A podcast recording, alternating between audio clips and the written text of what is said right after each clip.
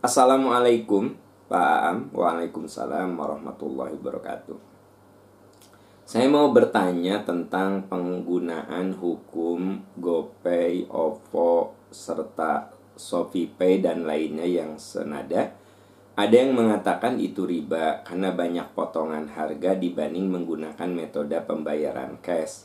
Namun ada juga yang menyebutkan itu strategi perusahaan membakar uang. Saya belum tahu ilmunya, jadi saya bingung. Mohon penjelasannya. Ya. Sahabat-sahabat sekalian, sekarang ini era di mana semua perusahaan memberikan kenyamanan kepada customernya. Jadi semua berjuang untuk memberikan kemudahan, untuk memberikan service yang excellent, yang sangat-sangat uh, memuaskan begitu. Nah ini filosofinya dari situ dulu bahwa uh, sekarang ini banyak perusahaan apa pun itu berusaha untuk memanjakan customernya. Dari mulai pembayaran yang hanya tinggal menggerakkan ujung jari, ya, sampai memberikan diskon, sampai memberikan reward, sampai memberikan uh, hadiah, ya. Nah, jadi itu semua dalam uh, sebuah frame untuk memanjakan pembeli, untuk memanjakan customer. Nah, salah satunya adalah memberikan diskon yang besar kepada orang-orang yang uh, menggunakan pembayaran lewat e-money. Memang masalah e-money ini pembayaran uh, dengan cara yang tidak kasat mata, yang tidak cash, yang uangnya nggak kelihatan. Ini merupakan sesuatu yang tidak ada pada zaman Rasul tidak ada pada zaman Rasul. Maka ini wilayah namanya ijtihad. Kalau ijtihad itu artinya sesuatu yang baru, lalu para pakar memikirkan ini boleh atau tidak. Makanya Anda bertanya ke ustadz mana pun ada dua jawaban. Ada yang mengatakan haram, riba, ya. Ada yang mengatakan ya itu sebenarnya keuntungan perusahaan yang dibagi dengan orang yang membeli. Jadi kalau untung saya sebut saja 100, nah saya nggak ngambil 100 semuanya. Saya bagi deh supaya customer saya uh, loyal, saya untungnya 100. Saya kasih ke Anda 50.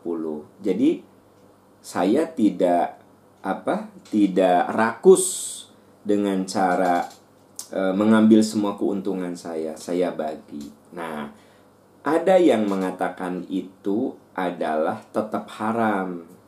Begitu, ya. Karena kita nyimpen uang dulu. Jadi seolah-olah uang itu disimpan lalu kita mendapatkan keuntungan dari penyimpanan uang.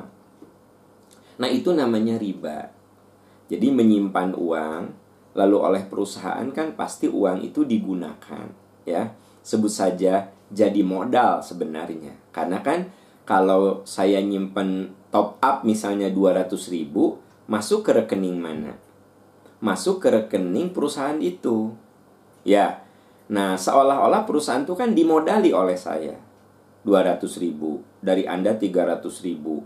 Nah, ini ada pelanggan dia itu ada 5 juta orang. Kebayang nggak berapa duit yang terkumpul? Nah, karena ada penyimpanan uang dan kemudian ada jeda waktu, maka itu namanya riba. Nah, itu pendapat pertama.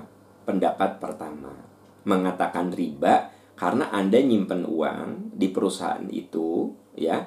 Lalu e, seolah-olah Anda mendapatkan bunga dari penyimpanan uang Anda melalui top up. Nah, logika itu melahirkan hukum yang namanya riba. Makanya beliau mengatakan haram, gitu loh. Nah, itu pendapat pertama. Makanya sampai sekarang ada yang e, mengatakan berpendapat bahwa pembayaran melalui imani yang Anda sebut tadi itu hukumnya haram. Tapi pendapat kedua mengatakan tidak ada yang haram dengan itu. Karena ketika saya top up, saya tidak bermaksud untuk uh, mendapatkan keuntungan, tapi itu untuk kepraktisan saja. Saya tidak perlu mengeluarkan duit-duit receh, ya. Ribet, apalagi di zaman sekarang kita dianjurkan untuk sedikit uh, sekali meminimalisir kontak langsung gitu.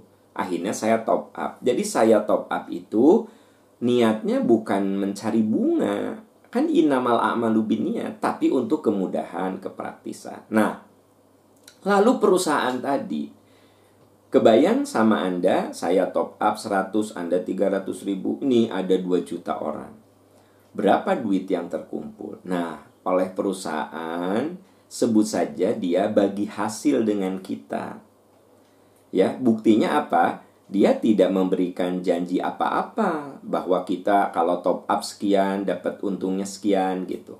Nah, si perusahaan tadi yakin dapat keuntungan dari duit yang kita simpen itu dapat keuntungan. Paling tidak kita memodali dia. Nah, si untung tadi di-share ke kita, maka jadilah diskon gitu loh. Nah, kalau saya, saya secara pribadi melihat satu nawaitu kita bukan mencari uh, untung nawaitu kita ya untuk safety saja biar simple kan gitu untuk kemudahan jadi niat kita kemudahan. Ternyata perusahaan itu mendapatkan keuntungan lalu dia berbagi yaitu statusnya jadi hadiah. Yang namanya hadiah itu kan sesuatu yang diperbolehkan. Saya dipinjami oleh anda. Sebut saja satu juta Ya, lalu uang yang satu juta itu ternyata sama saya digunakan untuk jualan. Anda bilang, Pak Am, saya titip uang ya sejuta ya. Dipegangku saya teh sok kepake saya teh. Nah, Anda titip ke saya. Lalu saya gunakan itu untuk modal. Ternyata ada untung. Begitu Anda mau ambil sejuta, saya kasih sejuta seratus. Kata Anda teh, Pak Am, ini apa yang seratus ribu? ya itu saya berbagi keuntungan dengan Anda.